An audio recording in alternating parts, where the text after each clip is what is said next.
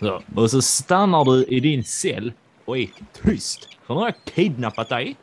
Nu, så att du inte längre kan vara diktator i Teotorp. Så nu ska, nu ska jag skriva ett brev till ditt folk och kräva en lösensumma. Okej. Okay. Kära invånare i Teotorp. Jag har fångat er kejsare. Äh, äh, diktator. Diktat, diktator. Ja, men håll käften. Här, du stör inte. Jag önskar att det var en ljudisolerad cell. Ja. Kära folk i Teotorp. Jag har tagit er diktator till fånga på min båt. Inga synpunkter. Båtodor. Nej, jag Nej. tänkte väl det. Det är en fin båt. Om ni vill ha tillbaks er diktator så måste ni swisha mig 50 kronor, er valuta. Ursäkta? Ja. En liten grej. Är inte 50 lite lite va? Jag vill inte, jag vill inte bli rädd för 5. Men, men ditt folk har ju inga pengar. Du har ju tagit alla Men de är villiga att betala mer tror jag. De älskar mig. Jag är värd mer. Jag tycker jag är värd mer än 50. Säg 70 minst. Men skriv 70. Du, skriv 70 och så ska vi se om de svarar. Och gör de inte det så skriv 100 sen. Jag, jag går inte ut härifrån för 50. Så då kan du lika bra skjuta mig själv. Ja, men då gör vi det istället då.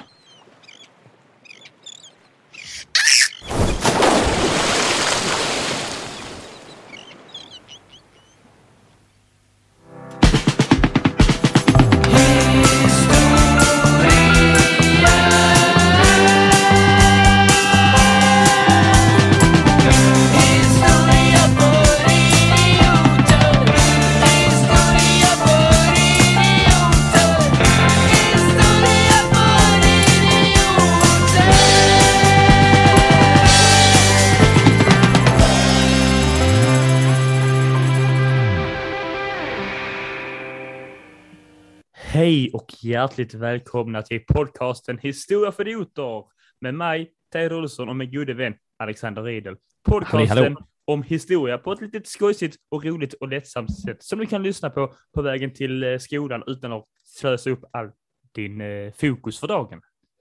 Hur är läget Alexander? Läget eh, med mig är bra. Jag trodde du skulle säga att de kunde lyssna på oss utan att använda all deras här månadssurf. det kan inte vi avgöra. Nej, med tanke på hur långa avsnitten brukar bli så känner jag att vi använder nog upp all deras surf i så fall. Om ja, sitter, på om de, bara, om de sitter på sånt halebop-kort ja. från 99. och bara, fan, jag har bara två gigabyte kvar. Det får bli hos för idioter för det. Alltså, ja. Nej. Det, det, är bra med mig. Jag tror du frågade om det var bra med mig. Eller ja, det var med mig. Men det är bra med mig. Jag, ja, jag, jag är för tillfället ute på lite lärarpraktik. Så att jag gör, oj. Eh, så att eh, det är ju egentligen historia för idioter live, eh, mer eller mindre. Livepoddar varje dag. Fast det är så här lite, lite mer att publiken deltar och Kallar du eleverna för idioter? Nej. Okej, okay. Det förstår för dig. Inte, inte så här. de är jätteduktiga, så det gör ja. väldigt bra. Det, det, jag har ju, när detta spelas in, hej framtiden, eh, så har jag ju mindre än ett år kvar av min eh, utbildning. Så eh, det känns roligt att nästan vara i mål. Själv har jag hur, hur är, tre. ja. hur, hur är det med dig, du som sitter på en mystisk plats med ditt zoomfilter? Ja. Eller har du eh. krympt och blivit en jätte, jätteliten pyssling så att du sitter i grässtråna? Du får välja det helt själv faktiskt. Eh, jag mår bra. Så att jag är bandagerad, eller man säger. Jag har varit och givit blod. Tycker jag man, man, kan göra. Det, eh, för då får man ett sånt efter ett tag. Sist jag gav blod fick jag sånt sms. Eh, tack, ditt blod har räddat eh, ett liv. Och då känner man ju, då hör man ju, när man läser hör man ju Avengers-musiken i bakgrunden och tänkte, tänker man verkligen, det har jag. Jag är här för att rädda er alla. För sån jävla fast, hybris. Och så enda gjorde var satt i en stol. Med de sjukdomarna som du har så räddar du ett liv, men du sätter också en dödsdom på dem. Ja, ja precis. Det är lite som att så här, rädda någon som håller på att drunkna. Och sen så bara, men jag kommer köra på dig sen med bilen på parkeringen härifrån. Jag har inga sjukdomar, du kan inte sprida sådana hemskheter Nej, om mig. det är klart du inte har sjukdomar, du har gett dem till någon annan nu. Jag får se, funkar det? Ja, ja. Det tycker jag ni ska göra liksom. Eh, så ni kan ge blod, så ni kan få den här sms så ni kan känna er så ni kan bli fler i liksom det riktiga Avengers-gänget. Jag ingår i det nu. För att jag har vi, räddat liv. Vi är inte sponsrade av Ge blod. Organisationer. Nej, det är vi inte. Det Vad roligt om de sponsra. Jag vet inte. Nej, det kostar ju liksom ingenting heller. Ja, det kostar väl att hålla i, Ja, för, igång. för att gå dit och ge blod kostar det. Det kostar ditt blod. Visserligen. Ja, men det är inte så att folk jobbar väl inte gratis med det och de här bilarna och sprutar och Nej, sånt. det är ju sant. Nej, precis. Men, men, ja. men, men de känner att de vill, de vill lägga in en stor påse med pengar till oss så att vi kan då. Ja, hade de velat det så hade jag tackat och tagit emot. Eh, man ja. kan ju tänka att många eh, som gör poddar gör ju reklam och sånt och vissa andra liksom väljer att nej, men vi vill inte göra reklam. Vi vill liksom inte sälja ut oss. Jag har tänkt mycket på det. Jag hade nyss sålt ut mig. Ja, det har vi gjort. Vi har, vi har, jag ett sponsrat ja, avsnitt. Ja, det har vi. Jag går tillbaka på det. Vi fick för fan inte mycket först ska säga, men det räckte för oss. ja, vi, fick, vi fick mer än vad vi förtjänt av. Ja, och det är helt någonting. det är fan sant. Vi fick mer än tillräckligt så att säga. På tal om att få mer än tillräckligt. Eh, min farsa berättade en rolig sak. Ja, eh, eh, när jag var liten så var min eh, farbror eh, tillsammans med en kvinna. Eh, hänga ut ja, henne, ja, som hette Agneta. Eller hon heter Agneta fortfarande. Eh, och de hade jättemånga djur i, i deras hem, alltså massa, eh, typ ett rum med bara sådana chinchillor. Det är någon form av hamster, fast ändå inte. ja, jag vet inte. De är tydligen livrädda. Det är sådana spanska hamster. vi fick aldrig gå där in där och sånt, jag och min syster, när vi kom och kollade. För, att minsta lilla ljud, de tänkte att vi var barn, då skriker vi och då dör de. Eh, och så hade hon också en papegoja som var riktigt bra på att härma och sånt. Eh, så eh, min kusin då eh, lärde papegojan någon gång när de inte var hemma att, att säga fedenede. För att ja, rätta henne, kalla henne tjock. Till slut var det det enda papegojan sa. Så fort hon kom in i ett rum så, så, så skriker papegojan fedenede. Ja. Är detta det best prank ever? Subtil mobbning. Papegojor lever väl ändå typ i så 70 år eller vad det är. Jag hade hoppats på att du skulle berätta, eh, med tanke på att du började prata om de här spanska hamstrarna, eh, att, att, vi papi, att papegojan hade lärt sig att härma dem så att den gick runt som en liten hamster. Stoppa in massa mat i munnen och bara... Nej, det ska vi inte. Mm. Det hade inte varit troligt. Ja, men på tal om spanska hamstrar, säga, men eh, vi ska väl ändå röra oss lite i Spanien-territoriet idag, fast ändå inte. Vi ska väl lite uh, röra oss i hela typ Europa och lite av Nordafrika och lite av Asien, även den delen kallad mindre Asien uh, idag. Mm. Uh, för att det var en viss liten, en liten grabb som tyckte väldigt mycket om att röra sig. Han var bra på så här friska promenader och erövringar. Ja, kan man ju säga. Nu, nu undrar folket, hmm, vem kan det här vara? Vem kan det här vara? Det säger jag så, hallå, det står ju i, i titelbeskrivningen, eller det står i titeln. Ni vet vem det är? Vet ja. Theo vem det är? Ja, jag vet vem det är. Så nu sitter de och bara telefonen och tänker, nu är ni skitryga. Kom till skott. Ja, det är vi. Men innan vi kommer till skott, eh, två frågor. Eh, första, Eh, visst tycker du att de, är, alltså, de kan gå in och följa oss på eh, Spotify till exempel? Så vi kan få fler anhängare som det står när man kollar. Det låter mäktigt och samtidigt lite oroväckande. Eh, vi och, jobbar som Cesar. Fler anhängare är ja. bra. Exakt. Och eh, så finns ju vår Instagram. Eh, där vi lägger upp när, när jag kommer sånt ibland lite skoja historiememes och andra fula bilder på oss, eller som det heter, bilder på oss. Yep. Uh, och uh, TikTok om man är lite äventyrlig och vill se oss uh, göra, inte veta hur TikTok funkar. Ja. Och sista frågan till dig. Kommer det att ljuga avsnittet? ja, det kommer ett ljug. We're back with the lies. Hell yeah. Hell vi, yeah.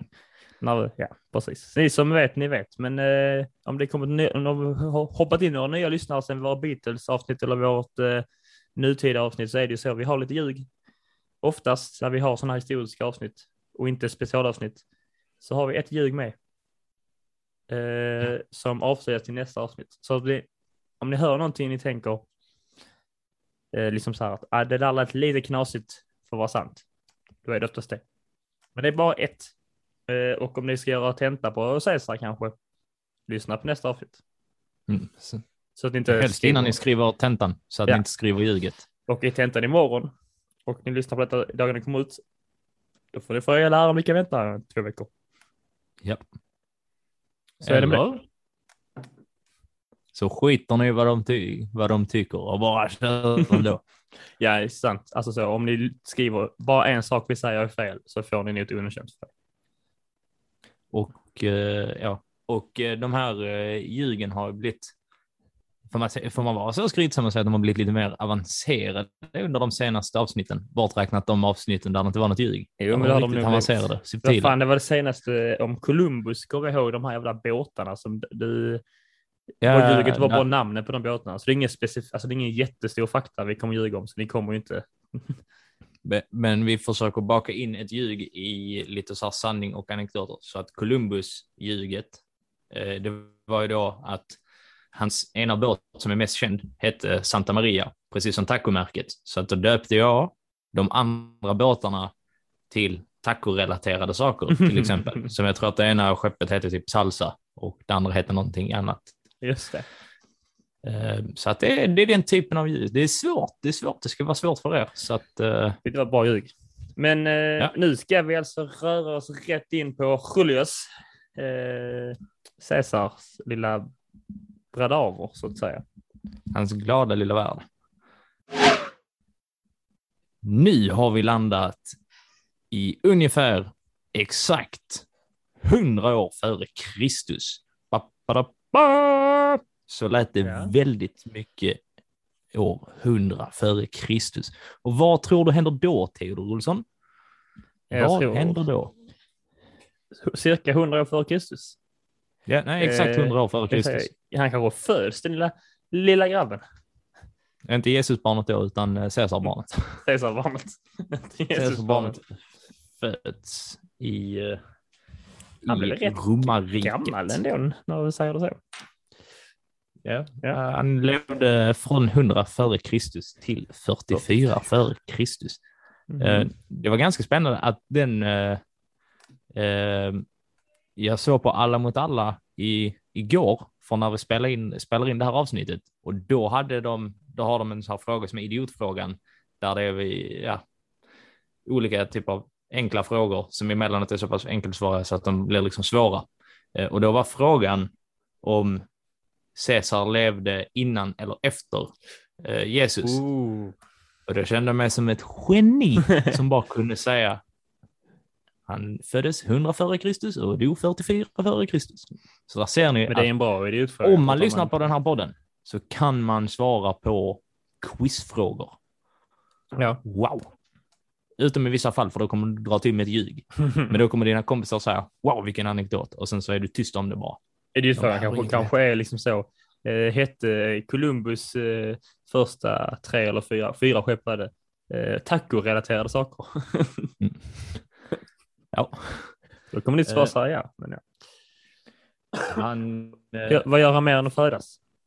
Eh, han föds ju och eh, till och blir då son till Aurelio Cotta och Gaius Julius Caesar. Han eh, heter samma sak som hans pappa.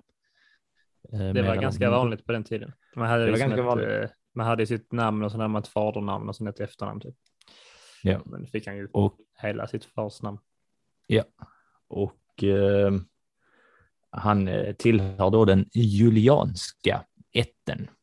Och hans eh, fasters make, även känd som fältherren Marius, han var lite av en eh, lite pamp eh, i romarriket.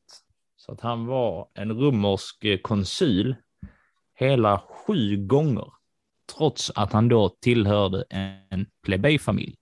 Mm -hmm. Och nu tänker lyssnarna, wow, vad jag varit med på den här? Svåra begrepp. Nej. Vet du, eh, så här, för du har ju ny, hyfsat nyligen haft tenta mm. på det här. Mm. Så jag tänkte så här, är det, kommer du ihåg vad de här begreppen innebär? Mm. En plebej var... är ju egentligen alltså en normal folk, peasant, bonde. Medan patricier som de andra heter, som är då någon form av adel, som är någon form av, eh, det kommer ju från, eh, eh, alltså patre är ju fader, så det kommer ju därför någon form av, ska vara någon form av fader som styr landet, är ju då senaten, de som har makten så att säga. Medan plebejerna oftast inte har det. Precis. Uh, och... Det ska ju sägas att, uh, vi kan ju säga det, uh, många kanske inte vet det om man lyssnar på detta, att romarriket nu är, är ju en republik just nu. Ja, det var det jag skulle komma till. Ja. Och som du var inne på, där med senaten. Så att man hade ett litet elitstyre med senatorer som då fungerar lite lössläppt som typ rådgivare och så fanns det två stycken konsuler. Mm. Och de här konsulerna var de som hade liksom, eh, ska man säga, att det var de som bestämde och liksom fattade besluten med hjälp av senatens råd. Eh, så att den här Marius lyckades då bli konsul hela sju gånger. Sen var det också så att eh, man kunde, om det skulle bli lite bråkigt någonstans och man kände att nu behöver vi någon som sätter den här foten och bestämmer verkligen så kunde man liksom bestämma, välja ut en diktator, men bara i sex månaders tid. Mm. För att det inte skulle bli någon form av ja, ja. riktig diktator. Lite, ja. Och eh, det var väl främst väldigt så här, typ reella problem och typ militärproblem där man behövde en stark röst. Eh, ja. Som gjorde det. Och man fick sitta som konsul i ett år åt gången och det var även där som vetobegreppet myntades. Eh, så att emellanåt så kunde den ena konsulen då känna, ja men jag, så här, jag vill jättegärna lov, eh, så här, jag vill jättegärna göra den här grejen. Och så kanske känner den andra konsulen så här, nej, vet du vad, den där grejen kommer förstöra väldigt mycket eller det kommer bli problem. Eh, så här, vi kan inte genomföra den här idén. Så att då hade de liksom en möjlighet att lägga in veto som liksom stoppar den andra konsulen. Ganska avancerat och modernt med tanke på att det här, så här romarriket är ju mellan 500 före Kristus till 500 efter mm. lös, löst. Eh, ja, men det är väl det man brukar säga. Tidsbegränsat. Eh, ja, men jag tror att det, typ, så här, att det är typ 475 eller något sånt. Eh, men vi avrundar här. Det är så vi jobbar. Så att Caesar, han kommer då ifrån en ganska framgångsrik eh, familj, får man ändå påstå. Det fanns ju såklart de bra mycket fler familjer som var mäktigare och hade mer politisk och ekonomisk makt. Men det fanns ju, eh, så här, där fanns ju också folk som hade det bra mycket sämre. Så på det stora hela skulle vi kunna jämföra honom och kanske säga att han är övre, övre medelklasspojke. Ja, men som, som far som var konsul så är han väl ändå... Hans uh, fasters man var konsul. Hans fasters man, just det. Mm. Ja, det. Men... Trots att han då tillhörde plebejståndet, det vanliga slödret. Som ändå var medborgare i Rom. Ja, men där, där, är en stor skillnad. Men det är, ja, det är en historia till en annan gång. Uh, Caesar beskrivs som i sin ungdom att ha varit en väldigt välformad och ståtlig påg. En riktig, riktigt god. Uh, vilken vilken bra... Uh, det kan du som Tinderbo. välformad och ståtlig påg. Ja, och, du ändra bilder.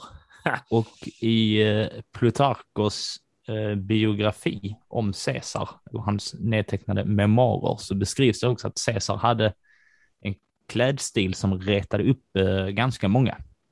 Han gick Vilken naken. buse. Gick han naken? Men han hade, du vet hur en sån här eh, romersk så här, tåga ser ut och hur den är liksom knäppt. Alltså att man har den mm. där vita och sen så är den röd sån. Ja, just det, ja, precis. Över. Att han hade bar den lite mer så här lössläppt och liksom så här lite, lite sjabbigt. Var det den tidens häng? Ja, men typ han hade häng. Ska jag skriva Caesar hade häng? och en, och en välformad stjärt enligt Pythagoras. uh, han gifter sig vid ganska tidig ålder. Redan uh, 85 före Kristus, så att hur gammal är han då, Theo? 15? 25? Då är han 15, det är 15. ganska ungt. Ja. Jag spottar ut gissningar bara.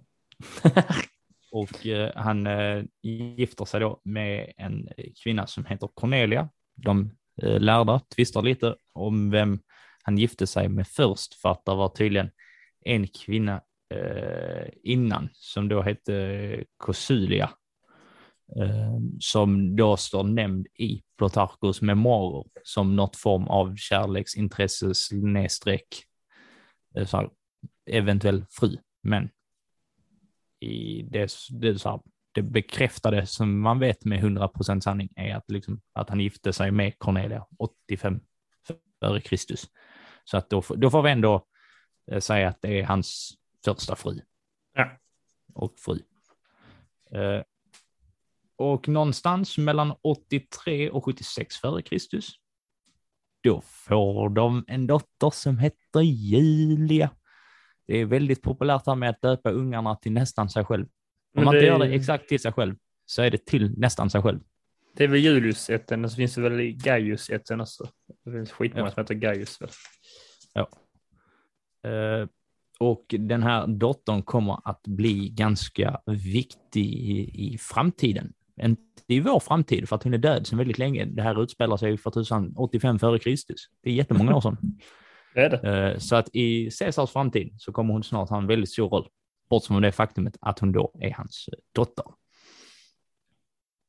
Och eh, ett par år senare så vinner en man som heter Sulla över eh, Marius och då tar den här Sulla Rum, alltså han tar över Rum och eh, utnämner sig själv till eh, diktator. Och det är ju inte jättebra eh, för Caesar eftersom att Caesar då, han är gift med Marius väns dotter. Så att, och då har det då pågått ett lite så mindre inbördeskrig mellan Marius och Sulla. Så att det har varit lite bråk lite fram och tillbaks. Du vet, som det brukar vara med inbördeskrig. Det blir, det blir tjafs. Det blir knas. Väldigt mycket knas. Uh, så att Caesar, vad, vad tror du han gör då? Om du får gissa. Eller om du vet. Uh, ja, kanske gifter sig med den andras dotter. det är faktiskt varit ganska, ganska rimligt. Det brukar ju vara lite så man gör, va? Man, vill ha lite, man brukar ju gifta sig nästan till enbart för politisk makt. Ändå så att hans så här, lite ärkefiende, det är bara du, jag dödar inte. Så, jag låter dig vara om du bara gifter dig med min dotter. Ja, Kommer vi ganska varandra nära du och jag Julius. uh, nej, det gör han inte. Uh, han får dock ett erbjudande av Sulla om att ifall han skiljer sig ifrån uh, Cornelia då, så blir han liksom eh, skonad. Eh, och eh, de här misstankarna eller eventuella straffen som man hållit mot honom och hotat med, de stryks, avverkas. Eh, så att han behöver inte oroa sig. Han kan, han, kan komma, han kan komma till rum. Han kan vara i rum hur, hur mycket han vill. Och vad tror du Caesar gör då? Om man får vara i rum hur mycket han vill? Eller har han väl sagt att det blir skyldig? Jag vet inte. Berätta. Nej, jag vägrar berätta. Slut på avsnitt. Uh, nej, han, uh, han vägrar att uh, skilja sig så att han flyr ifrån Rom till ett område som heter Mindre Asien. Vet du var mindre Asien ligger? Aldrig, jag hört, jag har aldrig hört uttrycket. Mindre det där, Asien. Mindre Asien. Det, jag har inte hört det heller förrän nu. Är det, um, är det Mellanöstern? Det, det är där Turkiet ligger idag. För du vet, Tur ja. Turkiet ligger ju typ lite på någon så form av uh, halvö. Mm. Och den halvön heter tydligen mindre Asien. Va? Det ska, ja. vi, det ska vi då bli två om alltså. Ja. Inte en chans. Mindre Asien. Ja, det är sant. Ja, Eller var det veckans ljug? det känns ju väldigt märkligt. Uh, men han hänger där tills ungefär 78 före Kristus, eller till eh, 78 före Kristus. Jag vet inte varför jag sa cirka hela tiden. Jag kan ju säga cirka när det faktiskt är cirka, men när det är exakt årtal, då är det inte cirka. Då är det, det årtalet. Eh, men då dör Sulla. Och det är ju väldigt skönt för Caesar. För då, då kan han dra tillbaka till Rom. Eh, så att han lämnar det verkliga stället, mindre Asien, och åker tillbaka till Rom. Och, och vad tror du? I Rom så har... Det är du som ska bli... Ska inte du... I Rum så... Jo, jag ska bli geografilärare, men jag, eh, jag ska ha namngeografi i sommar. Så att vi får se vad de säger då. Jag ska fråga dem. Ja. Vad de säger om mindre Asien. Men det får vänta till sommar. Men eh, jag vet vad som händer då. Eh, typ, det, blir det fortsätter som form av maktkamp. Eh, Sullas anhängare, eller typ det, det är inte så bara Attans, ja ja, det gör man något annat. Utan då kommer han med, det kommer han med mitt favoritnamn, Pompejus. Och bara säger så hello, låt mig vara med. Eller? Uh, uh, inte riktigt än, du är rätt ah. ute. Men du är lite för tidig, tidigt i kronologin här. För att ah. först, du ska Caesar få en rejält fin titel. Utdelad av mig. Partykungen! uh, uh alltså bokstavligt talat, Caesar åker tillbaka till rum för till, och ställer till med sådana otroligt sjuka kräk. uh, och har liksom så här, han håller på att ruinera sig för att han har typ fester liksom konstant. Och det är liksom inte så som vi har fester idag, att man ses på Caesars boning och så, så här, bring your own booze. Utan så här, nej, nej. Julius står för allt. Uh, så här, betalar för de här stora festerna. Och lever det ganska, så han lever, lever det ganska kul. Han har det fett. Han partajar bara helt enkelt. Han lever ja. loppan. Men han kan inte, alltså, han kan inte leva, han kan inte leva loppan varje dag. Uh, eller ja, det, det, kan man. Men, det uh, finns ju de som har testat i alla fall. Ja. Och det... Christer Pettersson. uh, nej, men han, ja, efter ett tag så slutar han, oklart varför. Han kanske eh, kände för att ta ett par vita år. Eh, och han bestämmer sig då för att han ska bli advokat. Wow. Och eh, någonting som också, så här, Rom är ju känt för att de har skapat massa olika grejer och den här avancerade republiken som de hade. Men de hade också ett, eh, ett rättssystem som blev väldigt likt vårt, att man hade liksom rätt till åklagare och advokater som en domare eh, och sådär. Eh, Alla hade så väl att... inte det? Va? va? Alla hade väl inte det? Jo.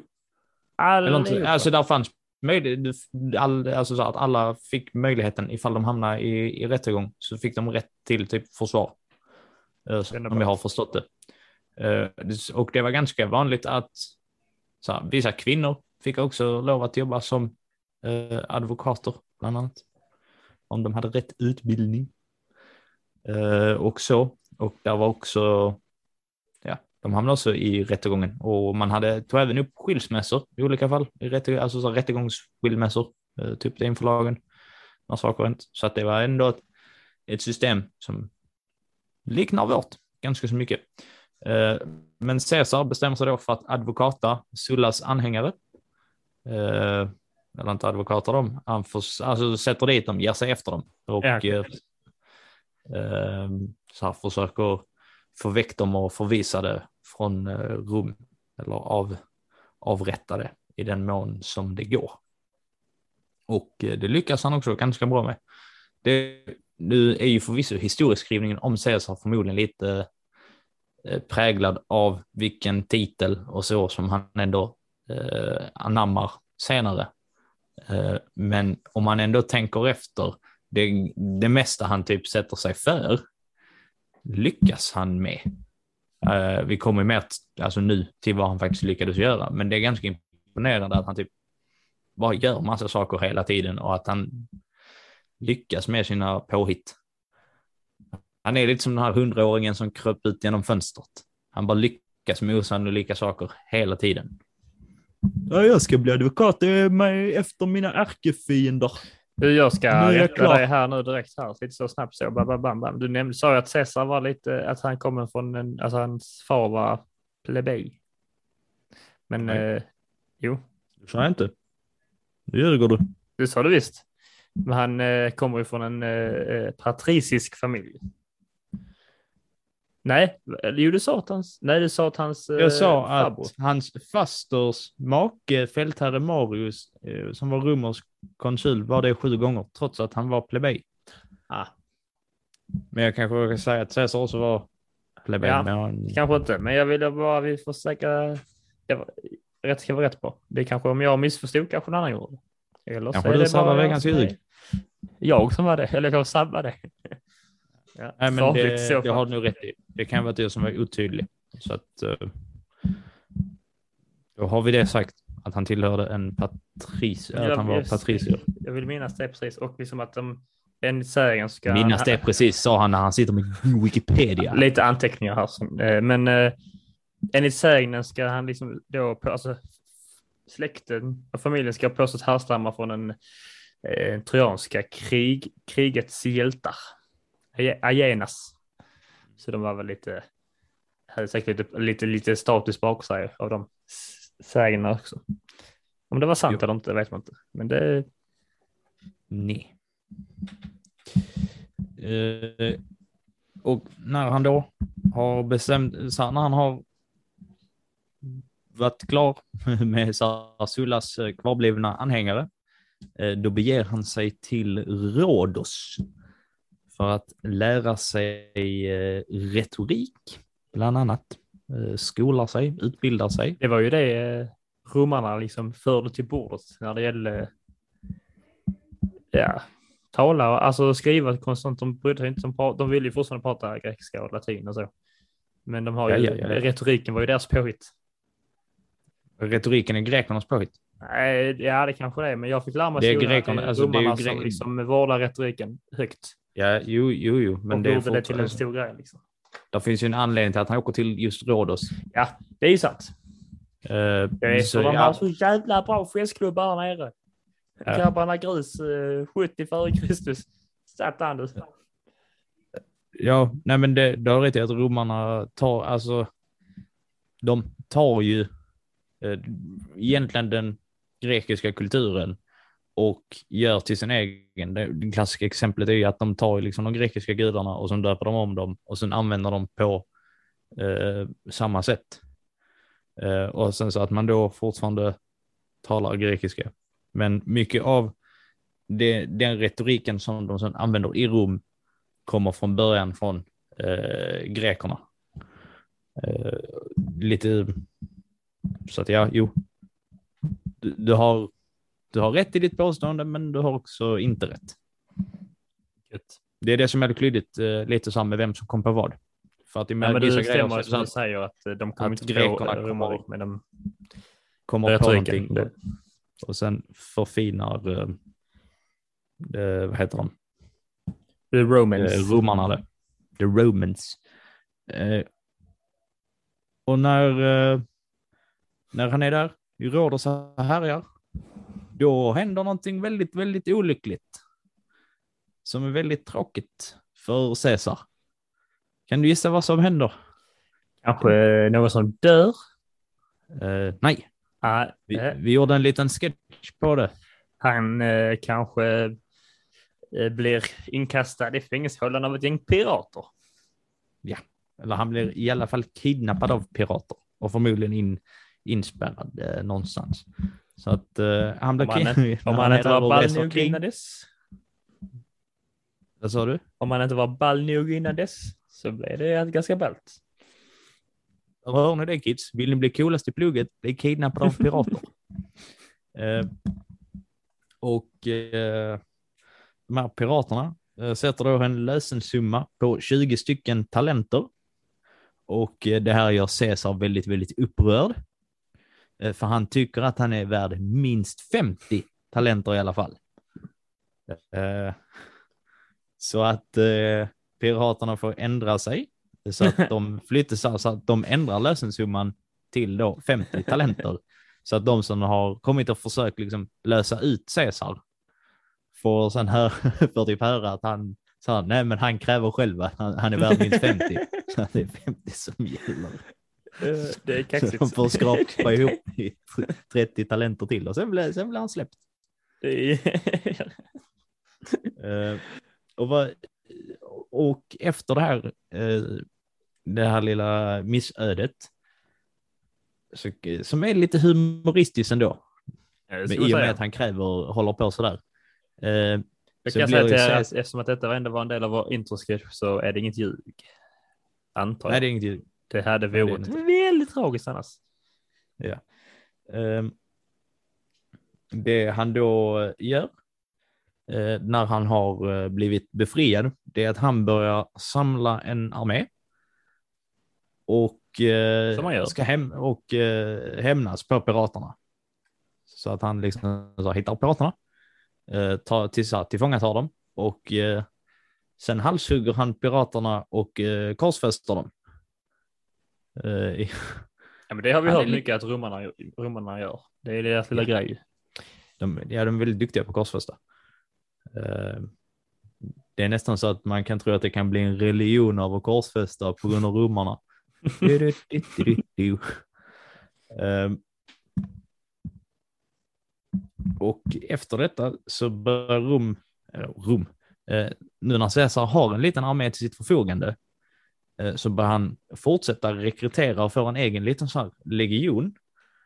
Och eh, då, eh, vad heter det, då bör han också att slåss mot Rom, alltså staden Rom, inte hela romarriket utan staden Rom, mot i Mitrid, Mifridatos heter han nu. Det är exakt som man uttalar det, Mifridatos. Säger du det så säger du det så. Ja. Så att det gör han. Och eh, efter ett par år, när han ändå har hävdat sig lite, visat att han är ganska duktig på att slåss, eh, så blir han till slut en krigstribun. Wow. Och då är han alltså en, eh, vad som idag skulle kallas en stabofficer. Eh, och är en av sex stycken stabsofficerer som man då har i en legion. Eh, så att han får lite, han får lite makt. Mm, mm, mm. Det gillar Caesar. Han tycker det smakar som gulasang. Vad gör han med sin makt? Inte skulle han få för sig missbruka sin makt. Jag tror det. Men strax därefter Eh, så dör hans faster Julia. Eh, och när hon då dör så begra på begravningen, så det här är väldigt luddigt förklarat utifrån där jag har läst, men så anspelar han då på liksom släktskapet till Marius. Och du kommer ihåg vem Marius ja. var? Ja, det var då Julias man som hade varit konsul sju gånger. Eh, trots att han var plebej. Ja. Eh, och när han då gör detta så, eh, så vinner han så här folkets sympati, blir lite folkets man av någon anledning. Uh, Hur stor var hennes begravning? Tydligen jättestor. ja, det verkar som det. Nej, men det, det, jag misstänker att, så att han har väl sagt olika grejer där och sen så har det nog spritt sig. Mm. Hörsägen som det heter. Ja, och sen strax därefter, då så dör uh, hans fru Cornelia. Och då gör han egentligen samma sak igen, att han utmärker sig, alltså så här verbalt, i, i samband med detta. Och uh, till slut så blir han så här, eh, skattmästare och medlem i senaten. Just det. Så att eh, där har han lyckats få sig en, eh, en ingång i det finaste. Tack vare att han åkte till Rhodus och studerade retorik. Förmodligen. Förmodligen. Eller tänk, för tänk att han att... var så himla skön hos piraterna. eller vad det, vad det hade förklarats. Eh, Snarsk kropp och härlig gubbe. Eller vad du sa. Hur man beskrev honom. Va? Jag hörde inte vad du sa. Hur var det man nu beskrev honom? Han hade snart kropp och var en härlig gubbe. Och så sa du. Han var välformad.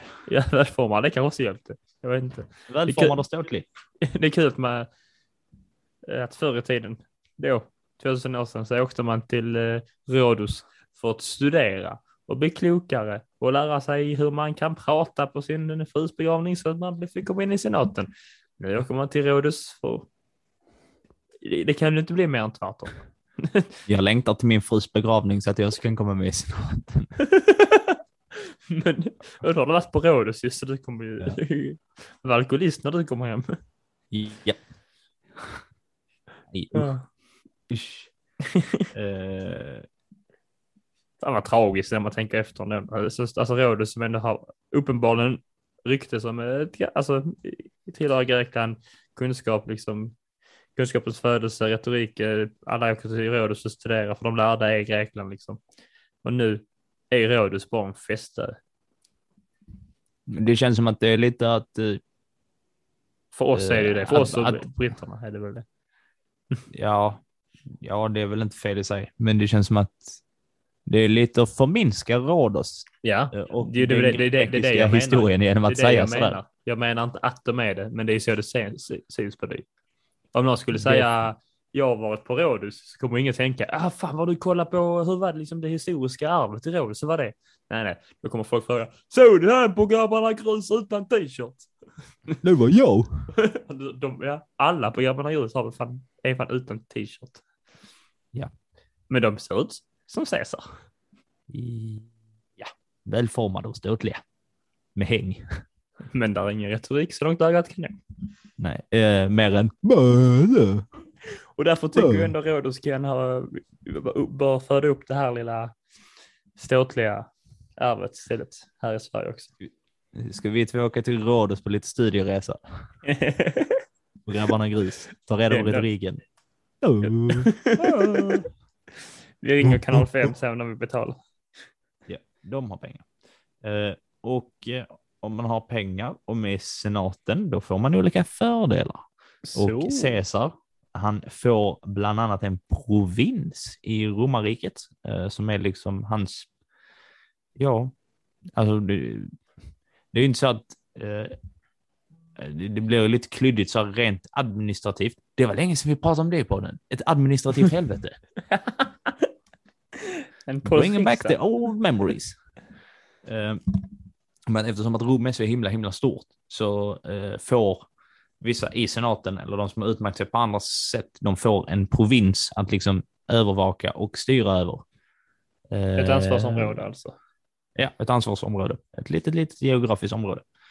Eh, så att det får han. Och han blir också någonting som heter edil, även känd som festmästare. Och det har han ju visat sig vara oj, ganska oj, oj, oj, oj, oj. Det lever kvar i Rhodos.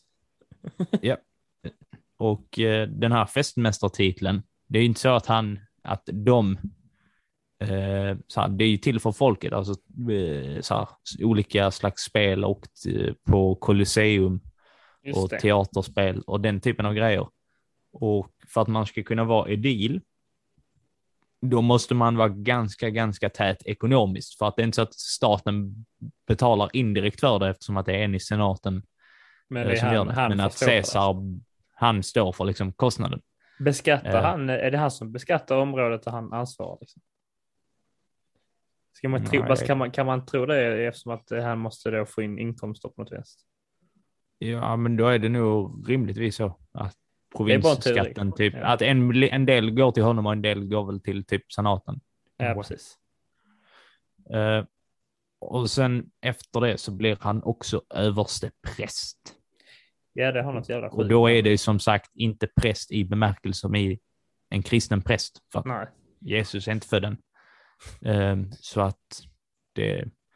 Pontifex det Maximus. Om... Heter det på latin. Ja. För, för de som undrar. Snyggt. Nu kommer vi in på den du lite... Du, ble, du blev för fan, du, vad heter det? Ställ. Du, tappade, du blev helt ställ av att jag spottade ut lite latinska begrepp här. Ja. Det trodde du inte. Det blev mållös. Alvedon. Volvo. Jag kan också latin. Vini Vidi Vici. Ja, det är ändå, det är ändå till ämnet. Ja. Det är väl han som har sagt det. stort på glaset. Ja, det är han som har sagt det. Ja. Uh, han kommer också att bilda det första triumviratet. Ja. Och då har du koll här Theo på vilka, vilka två kompisar han tar med sig i sitt, yes. i sitt lilla häng. Yes, yes, yes, yes. Hyfsat koll har jag. Det är Pompejus. Ja. Som är någon form av, eh, alltså någon form av liksom fältherre till, eh, vad hette han vi pratade om innan? Till någon nisse liksom som vi, som vi eh, tog över, eh, som heter Sulla. Jag har för mig att han är. Eh, och sen är det, heter han Gallus, Gaius, Kallus, Crassus heter han, är då den eh, tredje nissen. Eh, inte lika viktig i själv, det är han förmodligen, men inte lika avgörande i Caesars historia ska jag väl säga. Uh, nej, det är han kanske inte. Men uh, han var ståthållare i Syrien till exempel. Crassus. Ja, också känd för att vara snuskigt rik. Alltså med betoning på snuskigt rik. Uh, så pass rik så att att vara Krösus, det är liksom uppkallat efter Crassus. Rik. Så rik. Okej, okay. det luktar ju ljug, men jag hoppas det är sant. Du kan hoppas på vad du vill. Det, eh, det och eh, Pompejus. Vilket bra ljug, eh, Alexander. Men jag hoppas det är sant. Ja. Eh, och Pompejus var då, som du sa, någon form av general om man ska modernisera och förenkla lite i begreppen. Och jag har faktiskt inte kollat upp detta, men är han, alltså staden Pompeji? Ja, är det någon koppling? Det bör vara en koppling. Det känns ju uh, rimligt va? att det är en koppling. De ja. döpte ju, alltså är man sån här fältherre så kan man säkert döpa en stad efter sig själv lite hur man känner för. Ja. Det är som att rom och cola, det är faktiskt uppdöpt efter rom. det heter väl ändå rom och cola då, om vi ska vara sådana. Nej, men titta, vad, är det som fly, vad, vad är det som flyger över ditt huvud? Är det ett skämt eller? Jag är kul på fest. Eh, men tillsammans eh, så är liksom Pompejus och eh, Crassus liksom mäktigast i rum för att Pompejus har liksom militär makt och Crassus har ekonomisk makt och rent krasst militär och ekonomisk rent, makt är lika med politisk makt. Ja. Vad sa du? Rent Crassus. Ja, haha. Ha, ha, ha, ha, ha. Eh, och eh, Caesar har börjat få något form av litet, så här, litet frö sått till eh, att han vill ha ännu mer makt.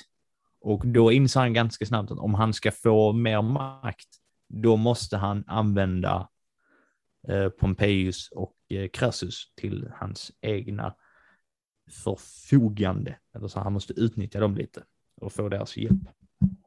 Och eh, som du sa innan, för att få politisk makt, då gifter man bort någon. Så att eh, Caesar gifter bort Julia till eh, Pompejus. Och då är det alltså inte den döda faster Julia han gifter hans bort. dotter. Det är hans dotter. Ja. Men det hade varit väldigt roligt om han gifte bort sin, sin döda faster. Ja. Men det, jag sa att du skulle få Julia, men jag sa inte vilken Julia. Caesar the prankster. Eh, så att han gifter bort eh, henne då till Pompejus eh, för att skapa någon form av koppling mellan dem. Och sen så vill han också då såklart ha det ekonomiska stödet ifrån Crassus. Och då har de väl lite en sån här gentleman agreement sen att om Caesar får makten så kommer han att hjälpa Crassus i återhjälp. Eh, för det Crassus vill, det är att eh, han vill skriva av massa av hans kompisars eh, eh, ekonomiska skulder. Så att han vill liksom, eh, vad är maffiaspråket, så att jag, så här, min hand tvättar din rygg och sen så tvättar din hand min rygg. Eller något sånt, att de hjälps åt okay, för att yeah. fiffla lite. Ooh.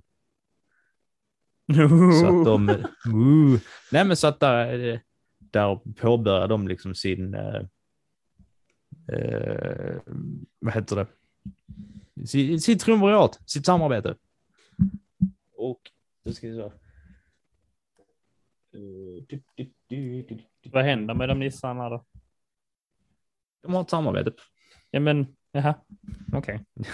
Så de, och det funkar det bra eller? De bara har det och, det funkar, det, det bara funkar. och sen lever de lyckliga? Ja. Dör inte Crassus typ mot perser eller så något sånt? I något krig mot perserna? Tror det. Uh, men så 50... Jo, det gör han. Ja. Jag skulle, säga, skulle inte du prata om triumviratet och hans Ja, det kan jag göra. Han dog. Jag, jag tänkte att du skulle hugga in. Om jag inte har fel så eh, ville Crassus bli, eh, eller jag har inte fel, detta vet jag. Crassus ville alltså bli, i ett försök att bli lika bra fältherre som sina kollegor då. Eh, så gick han då i krig mot eh, parterna som är då arvtagarna till det perska eh, väldet. Kriget blev då ett misslyckande och han dog 53 före Kristus i Mesopotamien. Det är ett förödmjukande nederlag för romarriket. Ja, han vilar i frid. Varför, varför blir det roligt? Ska inte skratta åt det. Men jo, det kan jag. Man kan väl själv det, kan inte, det kanske inte var too soon, jag vet inte. Vänta 2000 år till innan man får skratta. Något sånt. Ja. ja. Och sen var det ju just själva, det blev ju sen lite inbördeskrig eh, mellan då eh, dessa här fältherrar så att säga. Som, eh, Pompejus eh, hade ju liksom, var ju stark man i Rom. Eh, och han eh, liksom, senaten fick Pompejus att eh, ställa sig på hans sida och eh, de blev lite oroliga kanske om eh, eh, att Caesar blev lite, han hade ju liksom stor makt i Gallien då, alltså södra Frankrike, Belgien lite där.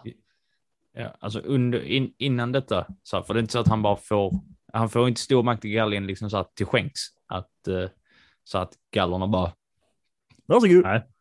Utan, uh, eller att den som hade så provinsen Gallien uh, så bara gav bort det, utan Caesar samlar och bygger upp en liten armé och sen så går han med sin armé och sakta men säkert, eller inte sakta, han gör det ganska fort. Han krossar gallerna ju. Ja, jo, gallerna krossar han, men att han flyttar sig omkring i eh, så här, typ från Spanien och sen så upp mot Frankrike och liksom erövrar ganska stora landområden och är liksom bygger upp en ännu större armé så att eh, många av dem som han vinner över i slag, där får de lite så här ett ultimatum att antingen så slåss de för Caesar eller så dödar Caesar dem. Och då är det så här, vissa blir dödade och vissa går med så att hans armé blir liksom större och större och han är väldigt duktig så här, militärstrateg. Det ska, ju, det ska ju sägas att han nödvändigtvis inte krossar gallerna, men han skrev ju en bok. Eh, Asterix Obelix. eh, nej, men det är Bello Gallio. Eh, som handlar om då de eh, galliska krigen, där, där han eh, eh, där det skrevs att eh, han och hans lojala med krossade gallerna. Så det är ju snarare en propagandatext för att kanske öka någon form av förtroende bland invånare. Eh, annat, annat löst folk kan lyckas ta över. Ja. Som bara, ja men läs detta skulle säga att vi var ju ändå mycket bättre än de som bestämde här innan. Så att eh, det var med oss typ. vi är bäst. Eh, så att, nej men han är ju där och erövrar och har sig. Och när han erövrar och har sig så blir det ju så här, för att senaten i Rom, de börjar ju känna lite så här ugglor i mossen och allmän oro för liksom så här, okej, okay, men om så här, varför, vi har inte bordat honom att göra detta. Så att det finns en risk att han så här, kommer gå efter oss också. Eh, så att de blir lite rädda och när de blir rädda så är det ju där förbindelsen med eh, Pompejus. Så är det.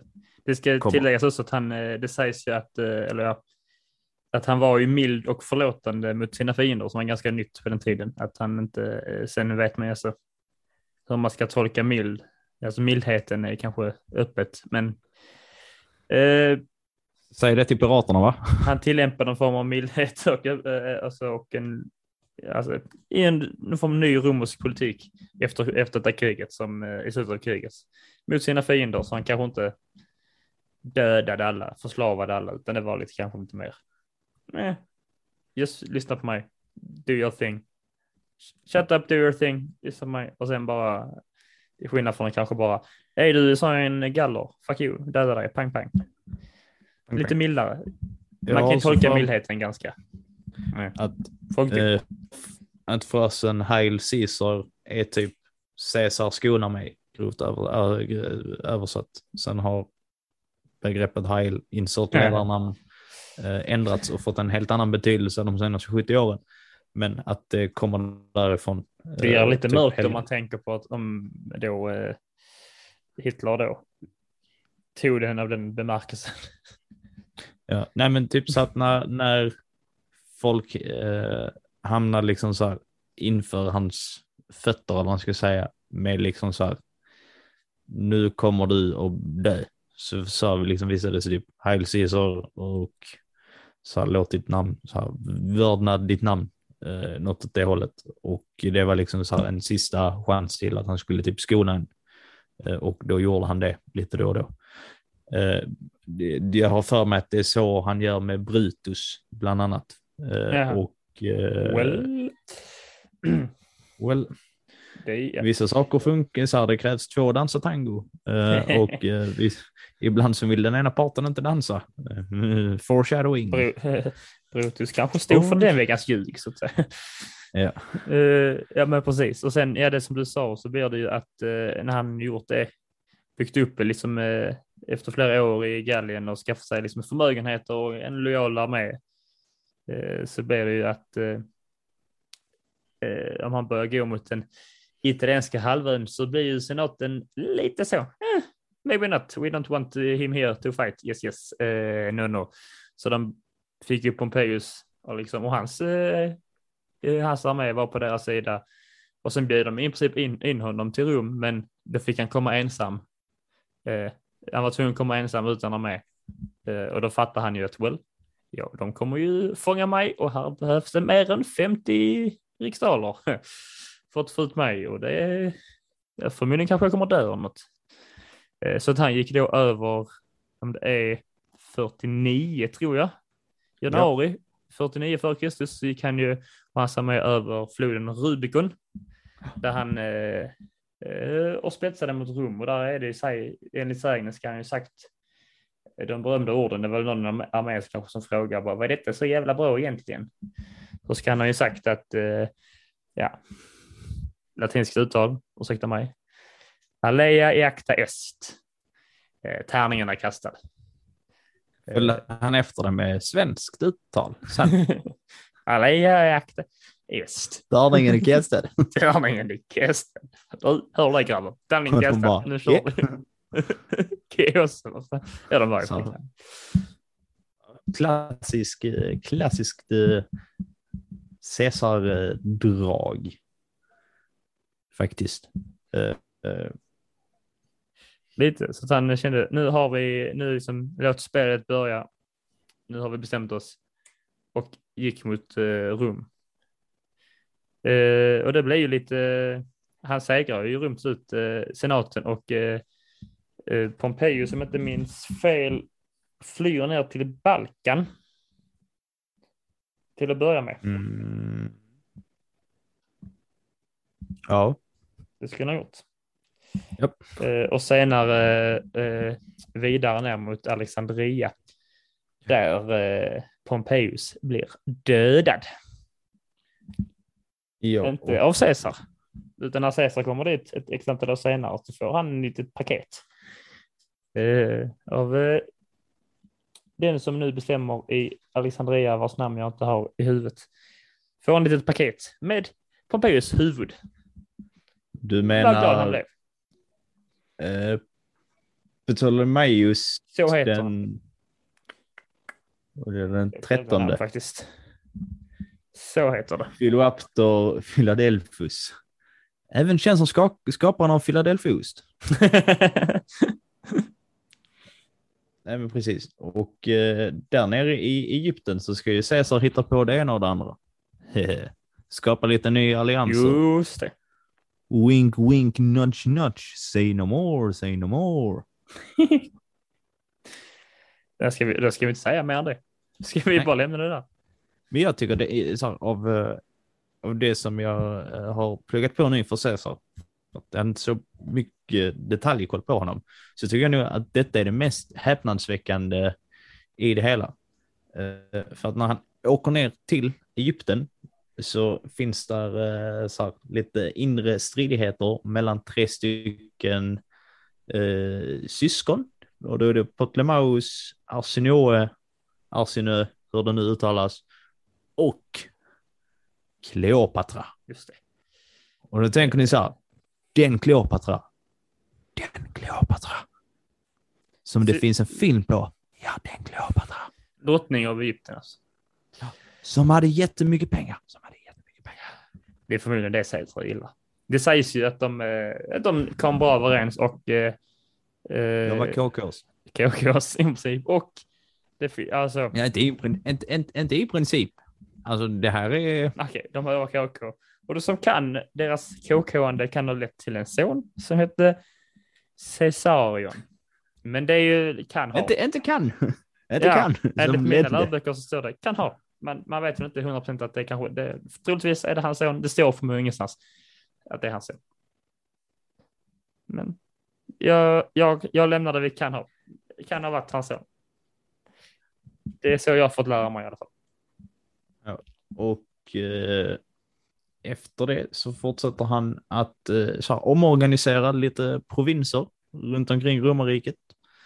Eh, fortsätter erövra lite och eh, efter ett av de här slagen så skickar han ett litet brev till, till Rom där han skriver de klassiska Caesar-orden Vini, Vedi, Vici. Du vet vad det betyder, Theo? Jag kom jag, såg jag segrade. Ja. Och det gjorde Kan han du, säga det, kan, du, kan du säga det lite mer så här förtroendeingivande? Som att du var Caesar. Inte, "Ja, jag kom, jag såg, jag, jag vet inte, vann jag eller segrade jag? Något, något sånt. Nej, jag tänker inte säga det. Det är så krystat om jag ska börja. Börja. Jag kom, jag såg, jag Varför- segrade. Så Varför? lät det. Han, han skickade ett röstbrev. En liten inspelning. Han skickade med, han skickade med Teos fasters papegoja. Undrar om de använder det som röstmemos. Och sen så Fede Caesar. Det Caesar. Ja, men han blev ju 45 före Kristus så etablerade sig som eh, politisk ledare i Rom så att säga. Eh, och 48, alltså innan det så blev han ju diktator. Eh, 48 före Kristus. Eh, blev han diktator och han gav sig egentligen, han, han gav sig eh, alla liksom eh, titlar han kunde ge sig själv i princip. Japp. Konsul, han var ju båda konsulerna. Han blev, ju- alltså han blev ju som allt. Eh, han är ju den första, eh, inte den första diktatorn, men han är den första enväldeledare, alltså på det sättet. eh, han bestämde i princip över senaten för han gav alla viktiga roller. Fick Han han, var senaten. Han, han blev Alltså- typ senaten. Ja, exakt. Och sen eh, så är han ju inte den första kejsaren. Det har vi ju diskuterat lite via text innan vi började spela in, men han är inte den första kejsaren, det, utan det är kan vi komma till sen efter hans död visserligen. Men eh, mm. han, han är inte första kejsare, men det ska sägas att eh, det ska sägas att eh, titeln kejsare kommer ju då efter hans namn. Caesar. Jag tänkte att vi kan prata lite om hans diktatorgärning för att han är ganska poppis ändå. Eh, så att han hjälper, eh, vilket är ganska överraskande med tanke på vad diktatorer brukar göra. Men han är liksom lite på, han hjälper folket och liksom så här stöttar folket och ger dem lite så här rättigheter, de får pengar och så här försöker hjälpa eh, de fattiga. Sen hinner han inte vara, han är ju diktator i typ fyra alltså ett par, två, tre, fyra år. Ja. Så, ja. Så att han hinner inte med egentligen att göra så jättemycket för att under den här tiden så är han ju också eh, liksom så här ute och försöker erövra ännu mer så att han spenderar ganska tid i rum, ganska lite tid i rum. Mm. Eh, där han också gör någonting, så här, där eh, som sagt det är ju lite revolutionerande att han eh, försöker eh, så hjälpa de fattiga. Men han uppfinner också tupén. Va? Ja, eh, för att han eh, fick sån bald spot mitt på huvudet som han hade väldiga komplex över. King.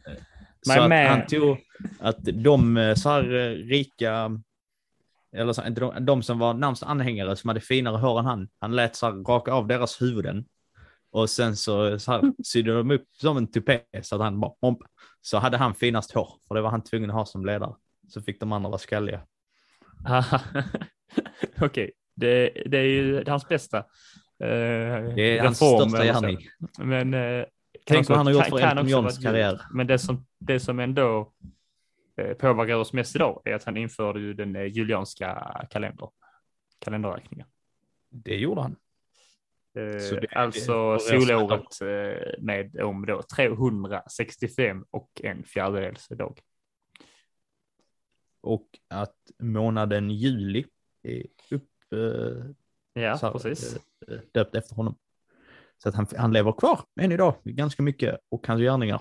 Det är intressant, alltså, de, de hade ju den här kalendern då, alltså eh, någon gång, alltså började de införa dem någon gång mellan 48 för Kristus och 42 för, för Kristus i romarriket då, ganska stor del av världen. Eh, I Sverige inför, införde vi den 1753. We're retarded. Det behöver man inte säga. Late men, bloomers. Uh, men ja, det är väl uh, så här egentligen Caesar samman, uh, sammanfattad. Och sen då den, uh, 14, nej, den 15 mars ja. 44 före Kristus så händer ju då någonting väldigt, väldigt speciellt innan han ska påbörja nästa fälttåg då mot eh, parterna. Eh, vill du berätta vad som händer eller ska jag berätta vad som händer? Jag kan. Eh, ja, alltså han. Eh, som du sa innan, hans diktators tid verkar ändå vara förvånansvärt mild, men han kan inte vara jättepopulär hos eh, alltså, alla och vissa kanske kände att eh, ah, we don't like you. Eh, vi vill också vara med i leken. Eh, så att runt eh, då senaten som egentligen inte har lika mycket att säga till längre som haft innan så bildar lite små kretsar. Eh, av, eh, I ledning av Marcus Junius Brutus och Gaius Cassius Longinus som då bestämde sig för att mörda Caesar. Och inte på vilket sätt som helst. Det var inte bara att han, de eh, förgiftade hans mat någonting, utan de högg honom hela 23 eh, hugg med en dolk. Eh, så han dog liksom i foten av en staty föreställande hans vapenbroder och senare rival Pompejus.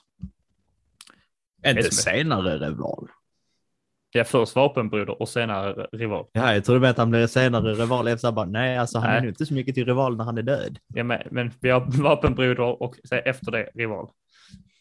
Eh, precis. Eh, lite filmiskt kan man ju tycka. Eh, can't make this shit up, liksom. Det hade man nog kunnat hitta på. Okej då. Fine. Då undrar man, vad händer nu efter hans död då? Eh, vad händer?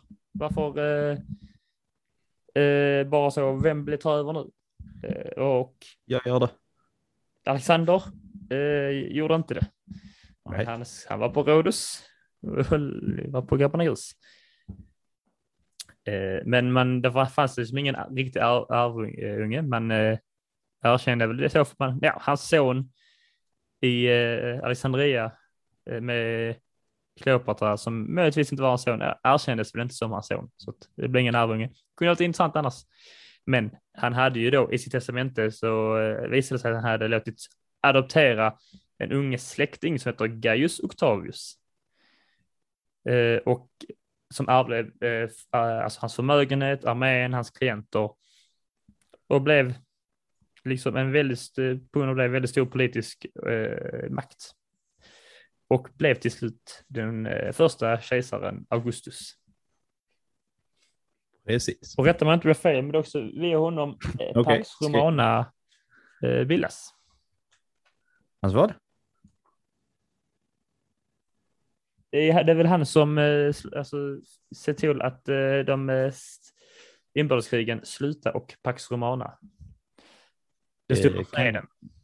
Det kan mycket väl stämma. Pax Romana är det den stora freden in, inne i Rom, så Rom blir enat och de fokuserar mer på att kriga utåt. Rimligt. Faktiskt. Det är alltid bättre att kriga utåt än inåt. Som eh, de goa romarna brukar säga. Ska vi förklara nu när vi har avslutat, eller det var inte vi som avslutade Caesars liv, det var Brutus och hans kompisar. Och för övrigt, han sa inte alls det där, förmodligen med så här, även du min Brutus, utan det är ett citat från en Shakespeare-pjäs. Eh, så där finns, faktiskt in, där finns inget historiskt belägg eh, för att skulle han säga det? För att Brutus var hans kompis och var med och högg honom. Ja, ja, så, så det är inte helt orimligt att han skulle ha sagt ja, det. Men. Känns ju väldigt Shakespeare. Ja. Uh, men som vi var lite inne på. Uh, det är därifrån också begreppet bro kommer ifrån. Ha, Bro. ha, ha. Bara skoja. Uh, om själva kejsartiteln. så för Augustus. vi hade lite meningsskiljaktigheter kring eh, kring det här. Eh, så kan man bjuda, bjuda på lite nyanserade Men... olika perspektiv. För att Augustus är ju den första som faktiskt alltså är, Titulerad är kejsare, kejsare. Alltså, kejsar mm. med, som kallas kejsare. Men det som jag var lite inne på att rent tekniskt sett så är ju Caesar den första kejsaren eftersom att han blir den typen av diktator. Och sen ja. så kejsar, kejsare har samma eh, innebörd som... Eh, som det som Caesar har med det. Uh, ja, man, man brukar ju säga att... Imper, eh, imperator hette det innan. Ja, men man brukar ju säga att, uh, att republiken se, alltså, Rom varar ju från cirka 500 till 0, eller 0, 1, 0 finns inte. Uh, och sen kejsardömet någon gång med, vad heter han nu? Augustus som första kejsare från cirka år 1 till 500. När romarriket. Fast det väl inte... När Västrom faller. Det är ungefär i stora drag det man brukar säga. Eh, så, så är romerska kejsardömet är från 27 före Kristus. Ja, inte från cirka. Cirka. Och vad händer 27 före Kristus? Då kommer någon glad kille. Pax Romana tror jag. Uh, nej, men det, det som jag var inne på det är att själva alltså, titeln Eh, som han hade som så imperator eller som vi säger idag diktator, så, för det innebär typ samma sak, men att den titeln går sen i arv efter alltså Caesar, så att titeln blir Caesarfierad till kejsare. Det är då eh, 27 före Kristus är då eh, eh Augustus liksom får slut på, tar slut på eh, inbördeskrigen. eh, och får titeln Augustus, eller namnet Augustus. Mm. Så där, därifrån börjar kejsardömet, så att säga. Ja.